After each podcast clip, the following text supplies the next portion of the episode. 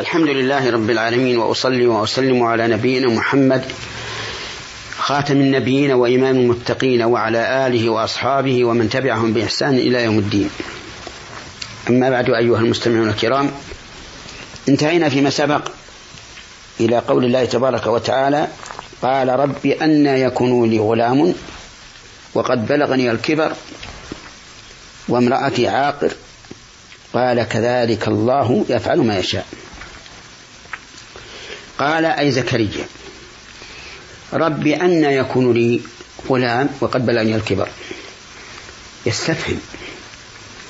واستفهامه هذا ليس للاستنكار لأنه هو نفسه سأل أن الله يهب له يهب له من لدنه ذرية طيبة. ولا يسأل شيئا ينكره فيما بعد. لكن أراد أن يستثبت الأمر كما فعل إبراهيم عليه الصلاة والسلام. قال ربي أرني كيف تحيي الموتى؟ قال ولم تؤمن؟ قال بلى ولكن ليطمئن قلبي. فقول زكريا أن يكون لي غلام وقد بلغني الكبر وامرأتي عاقر يريد أن يستثبت ويطمئن. ولا أحد يشك أن طلب الاستثبات وأن الاستيقان من الشيء أمر مطلوب خصوصا في الأمر البعيد المنال لأن النفوس قد يلحقها الشك فيما قيل لها ولست أريد بذلك أن زكريا لحقه شك أبدا. يعلم أن هذا حق لكن ليتيقن ويستثبت. أن يكون لي غلام. وقد بلغني الكبر يعني أصابني الكبر. وامرأتي عاقر لا تلد. قال الله عز وجل كذلك الله يفعل ما يشاء. يعني مثل الأمر كذلك. وأنه سيكون لك ولد اسمه يحيى. الله مبتدع يفعل ما يشاء. من الأمور الموافقة للعادة ومن الأمور المخالفة للعادة. لأنه جل وعلا على كل شيء قدير. وإنما أمره إذا أراد شيئا أن يقول له كن فيكون. ثم طلب زكريا زيادة علامة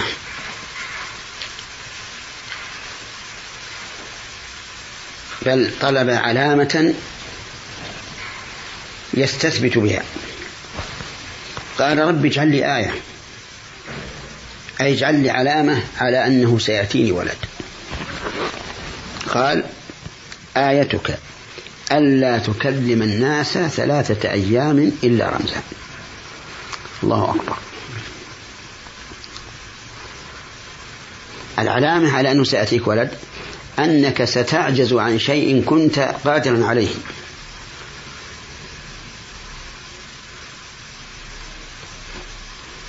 وتقدر على جنسه لكن ليس من نوعه. أن لا تكلم الناس ثلاثة أيام إلا رمزا واذكر ربك كثيرا وسبح العشي والإكرام الذكر ينطلق به لسانه. والتسبيح ينطلق به لسانه كلام الناس ما يمكن. إلا رمزا أي إشارة. وقول إلا رمزا قال بعضهم إن الاستثناء هنا منقطع. لأن الرمز ليس من جنس الكلام. وقال بعضهم إن الاستثناء متصل. وأن الرمز وهي الإشارة المفهومة بمنزلة الكلام. فهي من جنسه. والخلاف في هذا قريب من اللفظ. وإن كان يترتب عليه اختلاف في الأحكام في بعض المسائل. واذكر ربك كثيرا يعني أكثر من ذكر الله. وذكر الله تبارك وتعالى يكون بالقلب. بأن يستحضر الإنسان عظمة ربه دائما. وكبرياءه وفضله وإحسانه. فعندما يهم بالمعصية يذكر عقاب الله عز وجل وعذاب الله. وعندما يهم بالطاعة يذكر رحمة الله وفضل الله وإحسانه. كذلك الذكر يكون باللسان أيضا. وهو معروف. مثل لا إله إلا الله له الملك وله الحمد يحيي ويميت وهو على كل شيء قدير. هذا ذكر باللسان. الثالث ذكر بالأركان يعني بالجوارح. وهو كل فعل يقرب إلى الله عز وجل. وقال وسبح بالعشي والإبكار ألبى هنا بمعنى في. والباء تأتي بمعنى في كثيرا.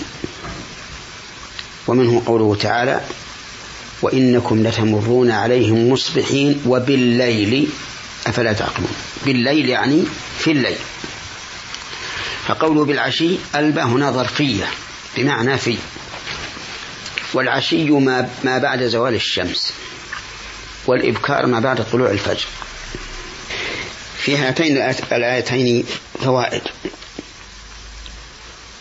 منها جواز طلب الإنسان ما يثبت به الخبر وإن كان الذي أخبره صادقا لا شك في صدقه.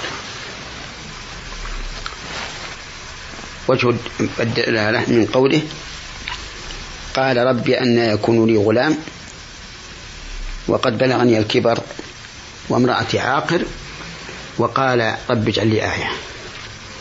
فإذا وقع هذا من نبي في خبر الله عز وجل فما بالك بمن دونه؟ ومنها أن الإنسان لا يلام على مثل هذا. ما دام قصده الحق. لا الاستبعاد لأن الحق مقصود والوسيلة إليه ليست محصورة بشيء معين ومنها أن زكريا عليه السلام لما بشرته الملائكة بأنه يكون يكون ابنه حصورا وسيدا وحصورا ونبيا من الصالحين. علم أن هذا سيكون ويكون المبشر به غلام.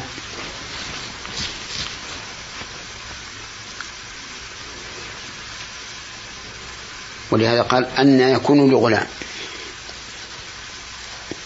ومن فوائد هذه الآية الكريمة وأحكامها أن الإنسان إذا كبر نقصت منه الحيوانات المنوية أو فقدت. وهو كذلك. فإن الإنسان عند الكبر لا بد أن يصاب بأمرين أو أحدهما. إما بضعف العضو بحيث لا يقدر على الانتشار يعني الانتصاب وإما بضعف المني بحيث لا يكون فيه حيوانات منوية وإما بالأمرين جميعا. ومن فوائد هذه الآية أن أن الله لا يستحي من الحق وأنه ينبغي للإنسان أن يصف حاله الحقيقية عند الحاجة لذلك. لا يتستر ويظهر نفسه مظهر القوي الصحيح النشيط عند الحاجة إلى بيان حاله لأن بعض لأن بعض المرضى لا يصف حاله بدقة للطبيب. فربما يعطيه علاجا على حسب ما سمع منه وتكون النتيجة عكسية. فالعاقل لا يستحي ولا يخفي بل يقول الأمر على ما هو عليه لأن ذلك أنفع وأجدى بدليل قول زكريا عليه السلام وقد بلغني الكبر وامرأتي عاقر.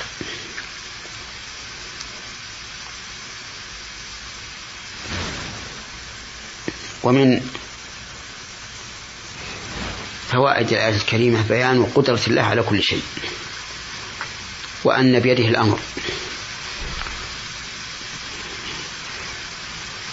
وأن الأمور تأتي على خلاف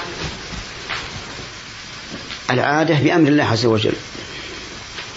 وقد قال الله تعالى لله ملك السماوات والأرض يخلق ما يشاء يهب لمن يشاء إناثا ويهب لمن يشاء الذكور أو يزوجهم ذكرانا وإناثا ويجعل من يشاء عقيما إنه عليم قدير. ومن فوائد هذه الآية الكريمة إثبات المشيئة لله عز وجل وأن ما شاء الله كان وما لم يشأ لم يكن لقوله تعالى ولكن الله يفعل ما يشاء وإلى هنا ينتهي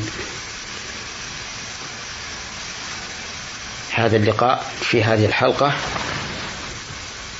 نسأل الله تعالى أن يجعله لقاء نافعا مباركا وإلى حلقة قادمة إن شاء الله. والسلام عليكم ورحمة الله وبركاته.